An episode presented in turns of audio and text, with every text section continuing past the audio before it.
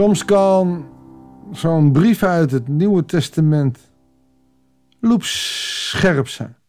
En we hebben het nodig, maar leuk is anders. En dat is ook met de brief van Jacobus. Helaas zullen we niet alles kunnen lezen, omdat veel in het weekend gebeurt. Alhoewel, volgende week zullen we wel een paar keer uit Jacobus uh, kunnen lezen. Nu beginnen we met hoofdstuk 3 op deze vrijdag, versen 1 tot en met 12. Goeiedag, hartelijk welkom bij een nieuwe uitzending van het Bijbels Dagboek. Ik hoop dat je een mooie kroning gevierd. Dat betekent dat uh, Jezus naar de hemel is gegaan om daar de voorbereidingen te treffen voor de woningen in de hemel, voor onze plekken. Uh, en om een plaats te maken, niet alleen daar, maar ook hier, een plaats te maken voor de Heilige Geest, waar we straks met Pinkster ook naartoe mogen gaan. En door die geest kunnen wij veranderen. En soms hebben we dat nodig. Luister maar eens wat er in Jacobus 3 aan ons gezegd wordt. En serieus, het wordt er in deze tijd niet altijd even makkelijk op. Want in Jacobus 3 lezen we, broeders en zusters, u moet niet, u moet niet allemaal leraar willen zijn. En bedankt, Jacobus. Dat ons leraar een strenger oordeel te wachten staat. Ik geloof dat ik het verkeerde vak gekozen heb. Nee hoor, ik doe het met liefde. En hoe vaak struikelen we niet allemaal? Wie nooit struikelt in het spreken, kan zich een volmaakt mens noemen. En een volmaakt mens in de zin van volmaakt is er niet. Alleen Jezus was dat. Dus uh, wie nooit struikelt in het spreken kan zich een volmaakt mens noemen die in staat is om ook het hele lichaam in toom te houden. Wordt het steeds moeilijker. Paarden doen we een bit in de mond om zo te laten gehoorzamen. En zo kunnen we een hele lijf sturen. En kijk eens hoe reusachtige schepen voortgestuurd door hevige wind met een klein roer in de richting worden gestuurd die de stuurman bepaalt. Ik heb zelf een keer in een helikopter mogen vliegen. Die heeft een, joystickje van, nou, ik denk de dikte van, wat zal ik zeggen, een halve centimeter. En de hoogte van ongeveer uh, 3, 4 centimeter. Een heel klein joystickje waar die zo dat hele apparaat mee vliegt. Het was bizar. Net zoals een groot schip met één joystick, ook zo'n marineschip heb ik ook wel op gewerkt, met één joystick wordt bestuurd. Dat is eigenlijk wat hij bedoelt. Er kan van alles misgaan. Zo ook, en nou komt hij waar hij wezen wil. Tong is een klein orgaan. Maar wat een groot spraak kan hij voortbrengen. Bedenk eens hoe een kleine vlam een enorme bosbrand veroorzaakt. Onze tong is net zo'n vlam. Van al onze ledematen is het de tong die de wereld van onrecht in zich bergt. Hij besmet het hele lichaam. Hij steekt het rad van het leven in brand met het vuur van de Gehenna. Want met je tong kun je rare woorden zeggen. Daar hadden we laatst een discussie over.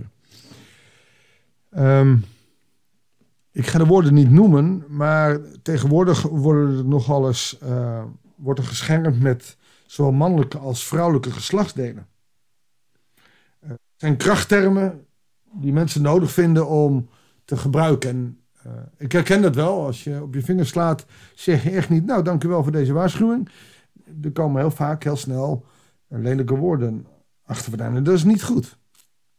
Maar, nou is de generatie die nou ja, een beetje na mij komt, of misschien wel twee generaties, die zegt, ja weet je, die woorden staan gewoon in het woordenboek in de Dik van Dalen als een krachtterm.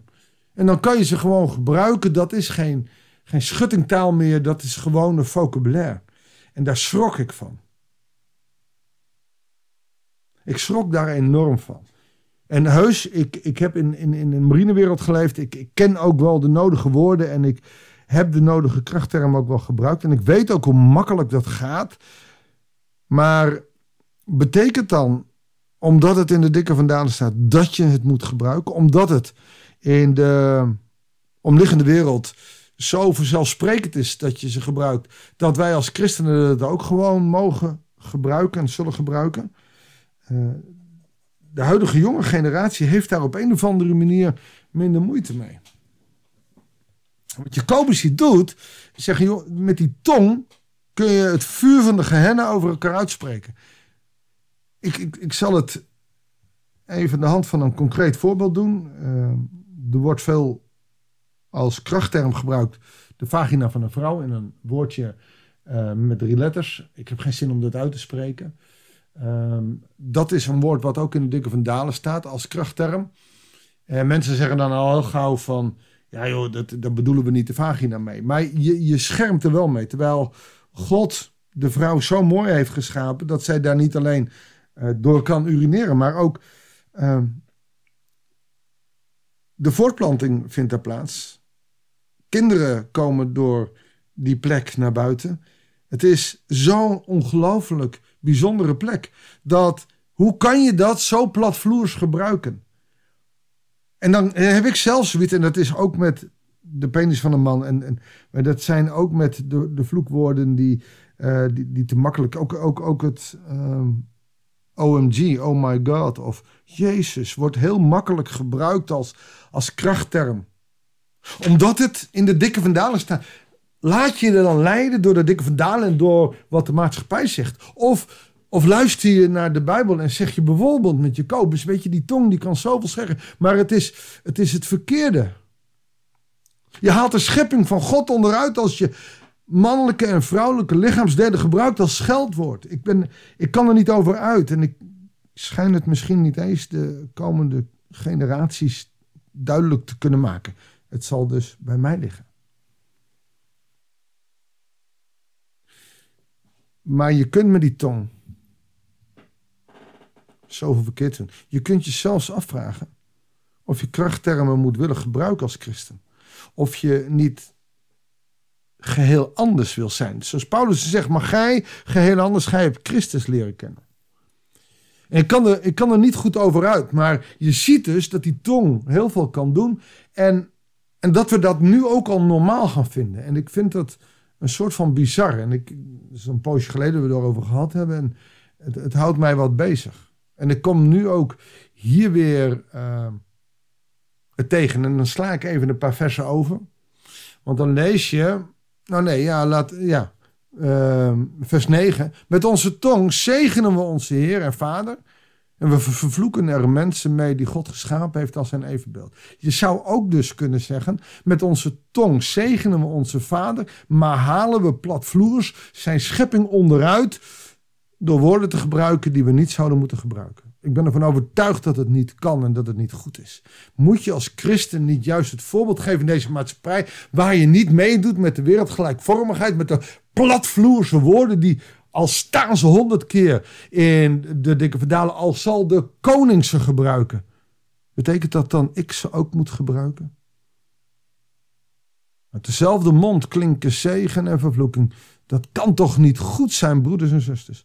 Laat een bron soms uit dezelfde aarde zoet en bitter water opwellen?